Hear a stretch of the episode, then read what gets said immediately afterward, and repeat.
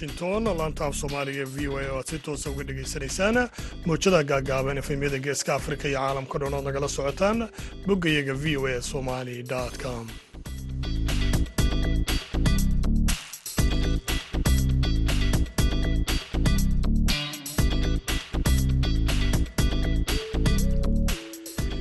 duur wanaagsan dhammaantima dhegaystayaal meel kastoo aad joogtaanba waa salaasa taarikhduna ay tahay sideed iyo tobanka bisha oktoobar ee sannadka laba kun iyo labaiyo labaatan haatan dhegaystayaal saacadda afrikada bari waxay tilmaamaysaa kowdiyo barhkii duurnimo idaacadda duurnimo ee barnaamijka dhallinyarada maantana waxaa halkan idinkala socotiin doona aniga oo xabdixakiine maxamuud shirwa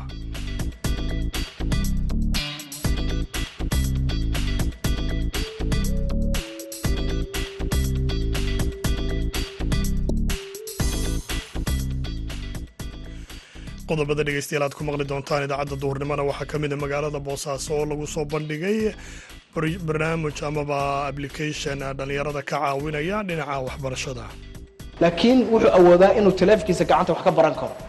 Waana sababta aan u asaasnay barnaamijka ardikaal waan ugu talagalnay qof soomaaliyeed ama dhallinyaro ah oo aan maantay marmarsiyo ku helin anigu waxba ma baran karo waxaa kaloo aad maqli doontaan maamulka magaalada gaalkacyo ee puntland iyo weliba dhalinyaro magaaladaasi iyo dhallinyarada magaaladaasi oo halkaasi kulan ku yeeshay.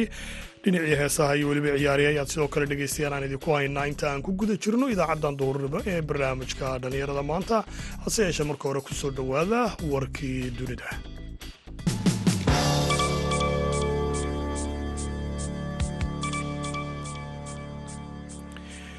ciidamada ruushka ayaa maanta duqaymo ka fuliyey dhowr meelood oo ka mida magaalooyinka dalka ukrain waxaana meelaha ay beegsadeen ka mid ah warshado dhinaca tamarta soo saara keyraalo tamashkin oo ah ku-xigeenka madaxa xafiiska madaxweynaha ukrain valadimir zelenski ayaa sheegay in saddex duqaymood ay ku dhaceen warshada tamarta soo saarta oo ku taalla magaalada kiyef dhinaca kalena duqa magaaladaasi kiyef ayaa isaguna sheegay in qaraxya laga soo sheegay dhinaca waqooyi ee magaaladaasi caasimadda u ah halkaasi oo la beegsaday sida uu sheegay warshado aada muhiim u ah.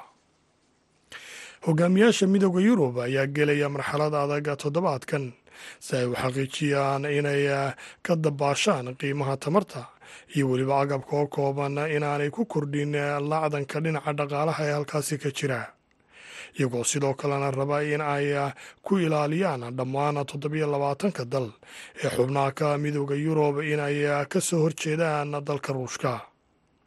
Iyadoo lagu wajahan yahay amaba uu soo socdo inuu khamiista bilaabmo kulan muhiima ayaa guddidan fulinta ee midooda yurub ay salaasada rabaan. Maanta weeyaane in ay ka wada xaajoodaan islamarkaana ay meel isla dhigaan. Farqiga u dhexeeya dowladaha doonaya in la soo rogo qiimo isku wada mid ah oo dhinaca dhinaca tamarta iyo weliba kuwa doonaya in dhinaca agabka awoodda loo saaro si hoos loogu dhigo tamarta iyo weliba qiimaha oo aada u sii kacaya dhegaystayaal warkiina waa naga intaa u diyaar garooba. Qeybaha kale ee idaacadda duurnimo ee barnaamijka dhallinyarada maanta.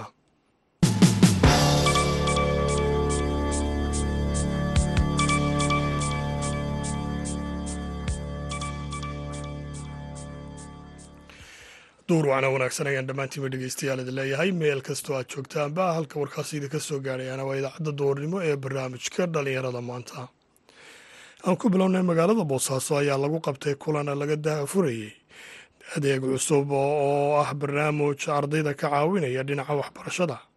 Warbixin haddaba arrintaasi ku saabsan waxaa halkaasi nooga soo diray waryahayaga yuusuf maxamuud yuusuf munaasabadan lagu soo bandhigayay ablicathonkan loogu magacdaray arday kaab oo dhallinyarada ay kaga faa'iidaysan doonaan fududaynta koorsooyinka barashada xirfadaha tiknolojiyadda iyo weliba aqoonta guud. Ayaa goobta lagu daafurayay waxaa ka qayb galay maamulayaasha xarumaha waxbarashada iskuullada iyo weliba jaamacadaha dhallinyarada qaybahooda kala duwan kuwaasoo ka faa'iidaysan doona ablicathonkan cusub oo waxbarashada dhallinyarada ka anfici doona.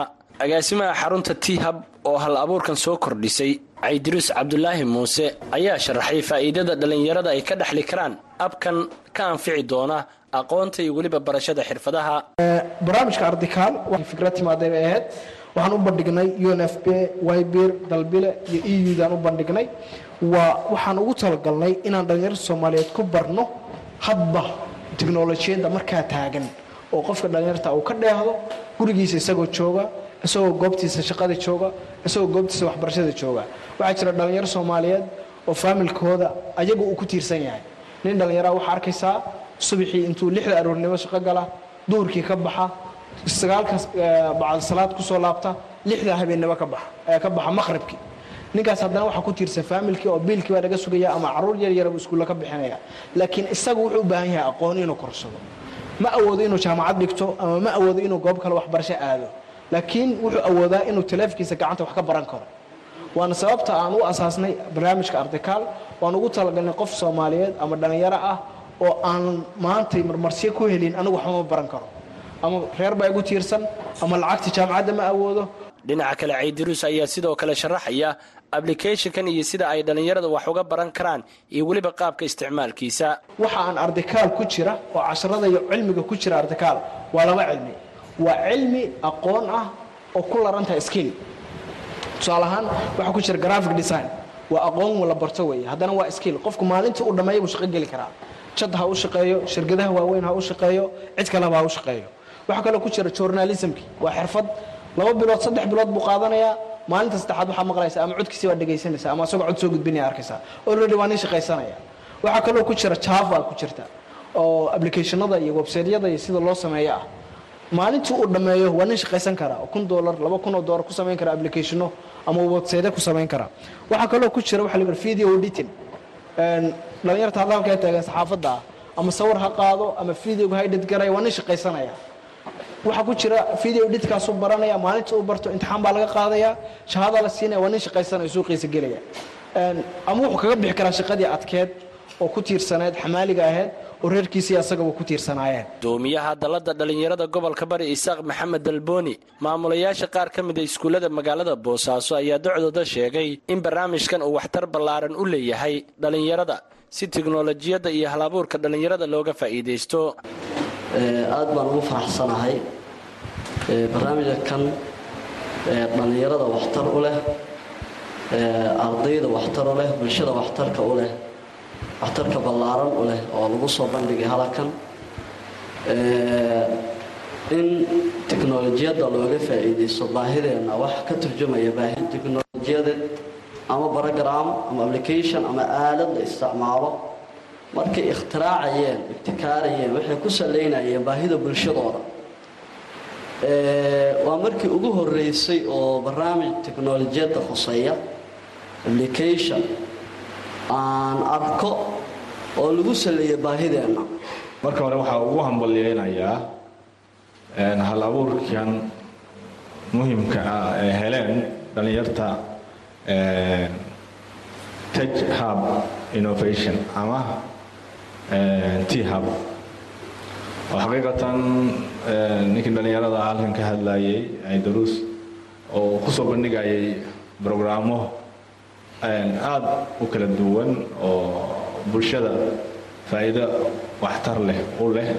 Ay noo soo bandhigeen aynu daawanay mar labaad waxaa idin leeyahay hal abuurka hambalyo hambalyo hambalyo. Waa idinku hambalyeynayna waan idinku dhiirigelinay waxaan sidoo kale soo dhoweynaynaa barnaamij gaar barnaamij ka mid ah barnaamijyadii oo ah ardaykaal academy. Barnaamijyadii badnaa ay soo bandhigayeen ayuu ka mid yahay oo haddana teknolojiyada ay haystaan. Waa waqti ama jaanis ay haystaan oo aan waagi hore aan jiri jirin oo xilligeeda aan jirin. Marka t hub iyo ardaykalba aad iyo aad baan caawa aan kolley awal mugdi bay noogu jirto ma maana aqoonin ama aqoon badan uma lahayn laakiin wax badan baan caawa ka faa'iidaysanay waxaan rajaynayaa dhalinta halkaan joogtay. Inta kale ay sii gaarsiin doonaan inta daawan doontaba inay ka faa'iidaystaan maxaa yeelay waa qof gurigiisii loogu keenay waxbarasho noocuu rabay. Ugu dambayntii guddoomiye ku-xigeenka gobolka bari maxamed dalmar bire ayaa isna fariin u diray dhallinyarada magaalada boosaaso. Waxaan aad iyo aad ugu faraxsanahay inoona daafurayaa barnaamijkan t hub iyo ardaykaal oo inoo soo jeediyeen dhallinyaradan aydaruus uu maarata hormuudka u yahay. Aad iyo aad iyo aad baan ugu faraxsannahay sistem casriya balaanadii ganacsiga iyo busineska ka duwan oo horumarkiisii barnaamijkiisa wata oo la jaan qaadaya magarata technolojiga caalamka ee cusub. Cabdiruus waxaan leeyahay insha allahu madalo kalena ha loo qabto ma garanaysa waxaa laga yaabaa intii aad noo sheegto haddeer aadna tusteen inaanan weelayn karin oo maskaxda wada qaban karin. Laakiin haddii lagu celceliyo masalan sheekh maamildhowd qur'aanka ka hadlaya wuxuu yidhi sideed qur'aanka macnaha sadarka beyskii qur'aanka ah haddaad sideed goor ku celceliso waa xafidaysaa moogta. Marka waxaan odhan lahaa bal barnaamijka nooga badiya intaas ma garanaysaa. Inkastoo dee kolley khadadka iyo internetka aan kala socon doono haddii ladan ka dhigo applicationkana waa la soo wada degi doonaa kulligey haddii ladan ka dhigo. Yuusuf maxamuud v o e boosaaso waagaag dhegeystayaal yuusuf aad iyo aad ayuu mahadsan yahay. Warbixino kaloo ku saabsan arrimaha dhallinyaradu way noo soo socdaane. Haatanna aynu jallecno dhinacii kaalma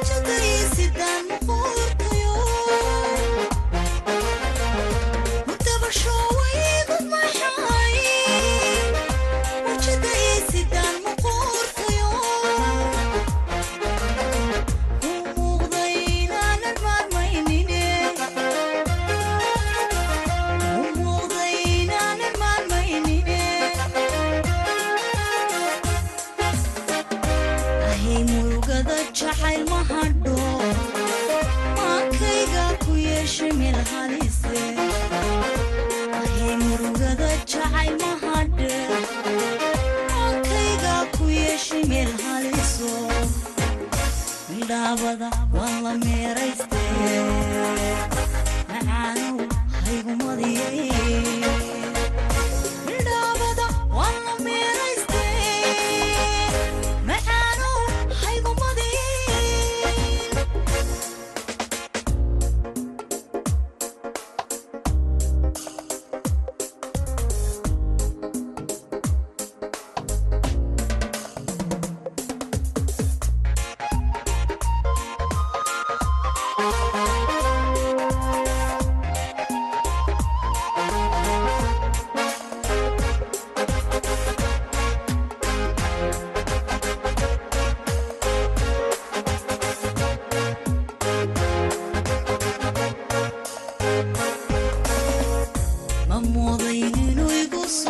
wagaag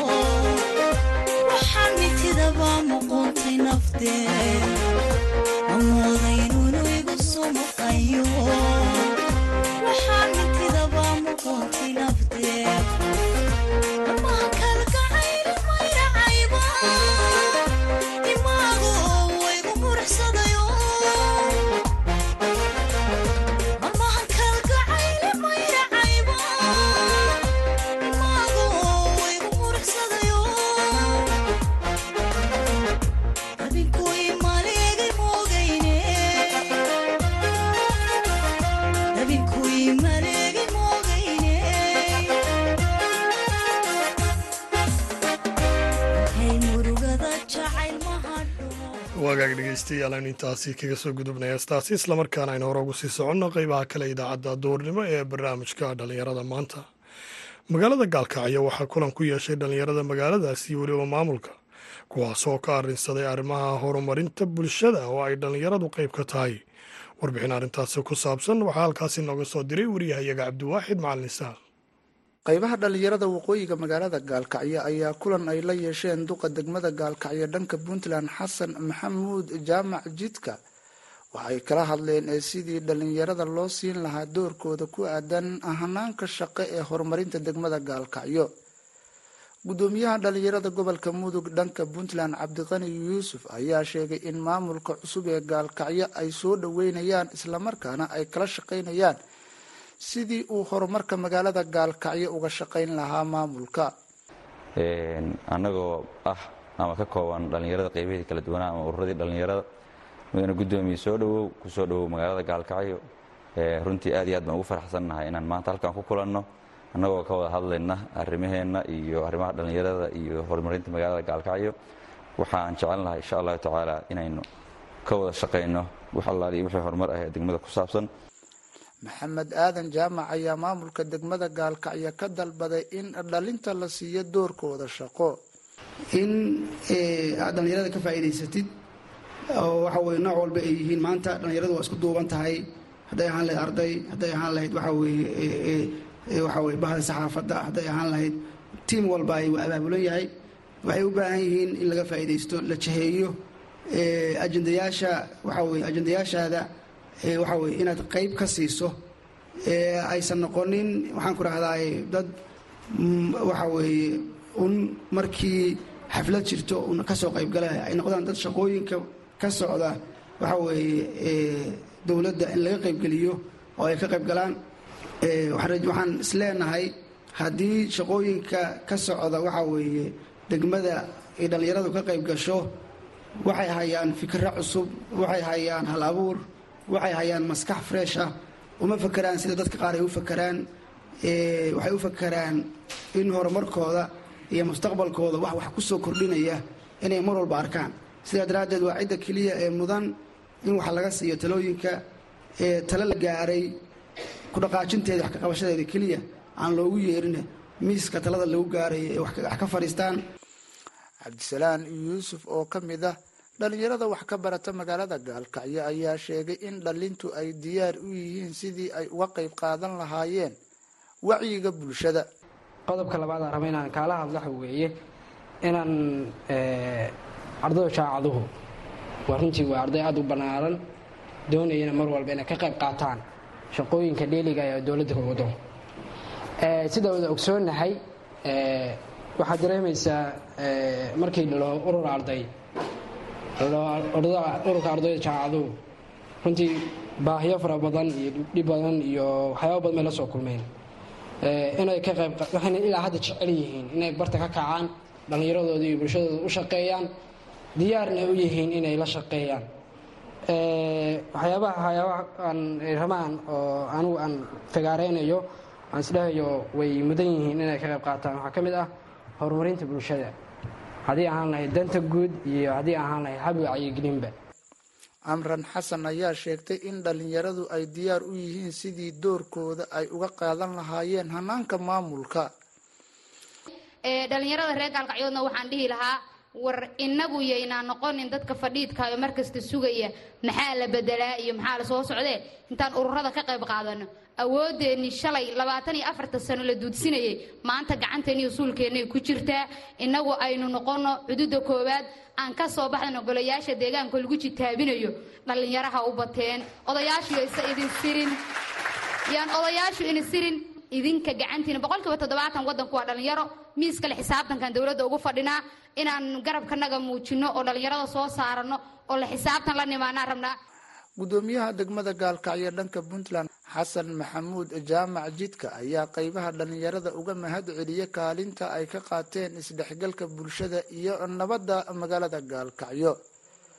Waxa uuna ka dalbaday in dhalintu ay gacan ka geystaan sidii horumarinta magaalada gaalkacyo looga shaqayn lahaa. Aad baan u xushay runtii muhiimadda aad leedihiin dhallinyaro ahaan. Waa sababta aan u xushay kulankii ugu horreeyey inaan idinka idinla yeesho. Qiimo weyn baa dalkan u leedihiin idinka ayaa wax horumarin kara. Waxaad tihiin qaybaha qaybta ugu muhiimsan aan dhaho ee dalkooda horumarin karta ama wax ku soo kordhin karta. Aqoontii baad leedihiin firfircoontii firfircoonaantii iyo dhallinyaronimadii baa idinku jirta. Yacni waxaanaan hubnaa dadaalada fara badan oo dalkan loo soo maray. Waxa hormuud ka ahaa dhallinyaro. Waana sababtaan idiin xushay inaan idinka idinla kulmo marka labaadna waxaan ka wada shaqayn doonaa oo aan rabaa inaad igala shaqaysaan oo aan ka wada shaqaysanno. Kulligan adeegayaal baynu nahay. Annagu dadka qoladeedaan mushaaraadka qaadato oo xafiisyada fadhiisataa shaqaalaanah laakiin runtii waxa aan qaban karnaa waxay noqonayaan bercentage yar. Idinkaa laydinka rabaa haddii ay brograamkii tahay samayntiisii iyo haddii ay tahay fulintiiba inaad wax ka qaadataan gacan ka geysataan oo weliba gacanta ugu badan ka geysataan. Waxaan rabaa inaan gaalkacyaha cusub aan waddo u jeexno waxaan rabnaa waxyaabaha aan ka wada shaqaynayna inay ka mid noqoto ammaanka isdhexgalka iyo horumarka labada dhinac ee magaaladan intii dhimatay allah u naxariisto rag badan baa ka soo shaqeeyey. Kuwo badanna waxaa laga yaabaa inay ayagoo hawsha ku jira ay naftu ka baxdo. Qofku wuu tegayaa macno ma laha. Qofku wuu tegayaa ilaahay ha naxariisto intii dhimatay. Inta soo socotana ilaahay maaragtay sidoo kale iyagana ha naxariisto. Ilaah baa wax guuleeya guuldarradana ilaah baa bixiya guushana ilaah baa bixiya. Ilaahay waxaan ka rajaynaynaa in shaqadaas ilaahay nagu guuleeyo cabdiwaaxid macalin isxaaq v o a gaalkacyo. Wagaag dhegaystayaal haatanna wararkii ugu dambeeyey ciyaaraha ku soo dhowaada waxaa inoo hayaa maxamuud masaade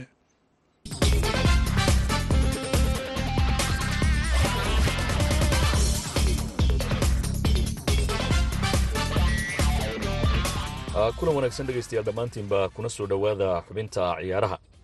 Waxaad maqli doontaan falanqayn ku saabsan ciyaaryahan karim benzima oo loo aqoonsaday ciyaaryahanka ugu wanaagsan ee dunida kadib markii la guddoonsiiyey abaalmarinta bolon dior laakiin marka hore bal anjaleeco ciyaartoydii kale iyo kooxihii habeenkii xalay ahaa la abaalmariyey.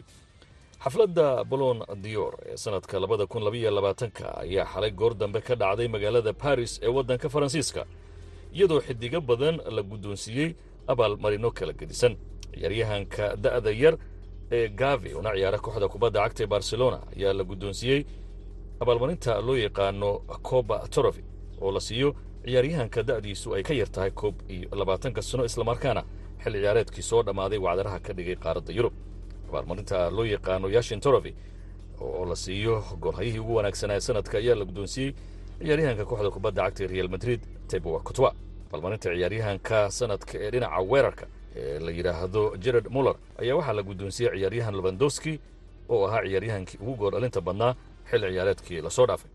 Ciyaaryahan sadio mani oo haatan ku biiray kooxda kubadda cagta ee bayer munich kana mid ahaa xidigihii kooxda kubadda cagta ee liverpool gaarsiiyey ciyaarta kama dambaysta ee champions leaga ayaa la siiyey abaalmarinta socrates award oo la siiyo ciyaaryahanada muujiya in ay wax weyn ka qabteen dhinaca bini'aadanimada iyadoo xiddigani uu waddankiisa senegaal barnaamijyo iyo mashaariic horumarineed oo dhinaca bini'aadanimada uu ka fuliyey bolon dior dhinaca gabdhaha waxaa la siiyey gabadha ugu wanaagsan xil la soo dhaafay alexia buteles oo u ciyaarta kooxda kubadda cagta ee barcelona. Kooxda kubadda cagta ee manchester city ayaa loo aqoonsaday kooxdii ugu wanaagsanayd xilli ciyaareedkii la soo dhaafay halka ciyaaryahan karim benzima la siiyey abaalmarinta ugu weyn abaalmarinada ee la yidhaahdo bolon dior oo la guddoonsiiyo ciyaaryahanka sanadka. Ciyaaryahan karim benzima ayaa loo tirinayaa inuu ahaa ninkii ka dambeeya guusha ay kooxda kubadda cagta ee real madrid ka gaartay koobka kooxaha qaaradda yurub ee champions leaga haddaba ciyaaryahankan wuxuu ku mutaystay abaalmarintan la siiyey mise u qalmay cabdulqaadir faarax oo loo yaqaano limanes kana faarooday ciyaaraha. Ayaan su'aashaasi weydiiyey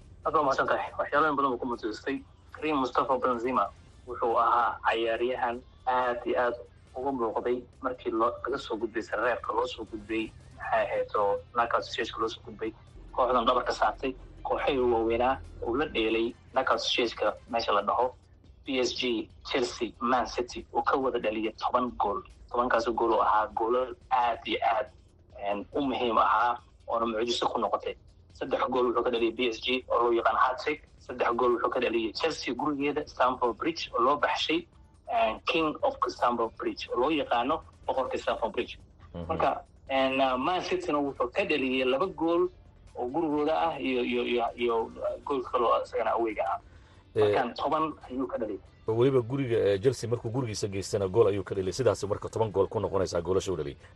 Kooxda kubadda cagta real madrid iyadoo aan loo malaynaynin in awoodeedu ay xoogan tahay karim bazima dusha ku sido ayay ku guulaysateen champions leaga xilli ciyaareedkan champions leaga oo koobkii adduunkuna uu dhexda ka soo gelayo ma ku ceshan kartaa koobka?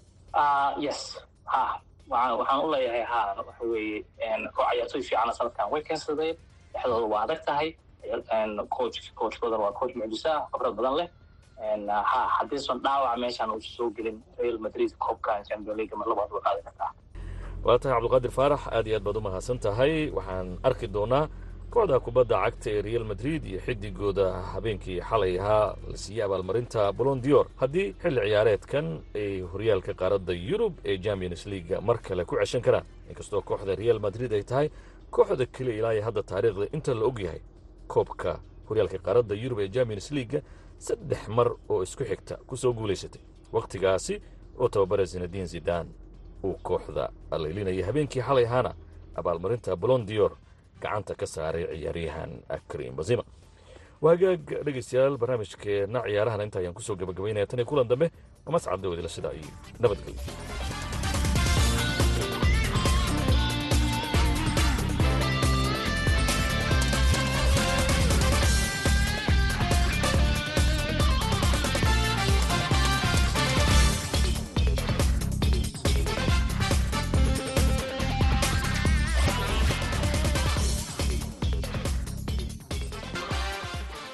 gabagabada idaacadda duhurnimo ee barnaamijka dhalinyarada maanta ayaynu dhegeystayaal maraynaa ee haatanna aynu mar kale dib u jalleecno dhinacii heesaha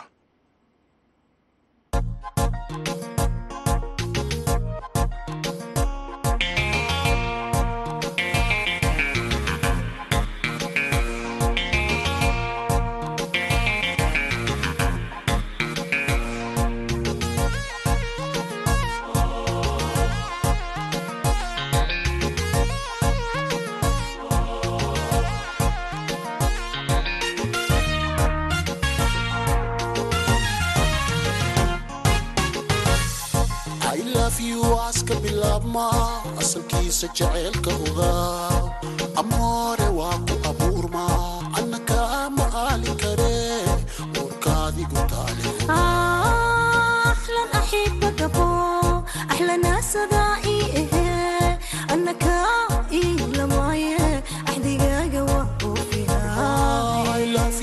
aska bilaabma asalkiisa jacaylka ogaa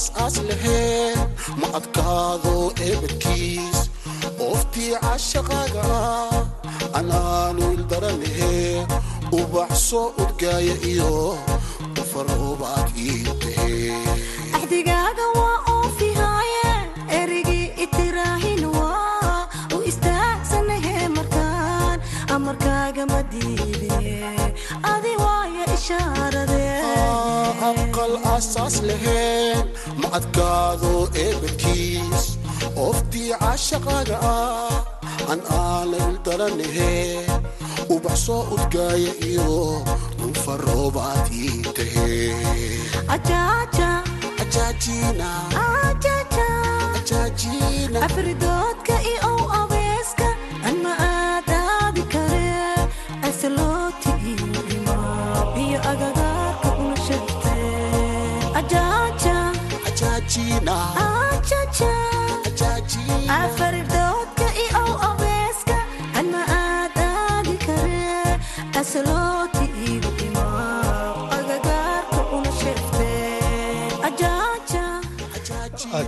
ajaajiina heestaasina dhegeystayaal waxay ugu dambeysay idaacaddii doornimo ee barnaamijka dhalinyarada maanta tan iyo kulanta dambe waxaan idin leeyahay sidaa nabadgelyo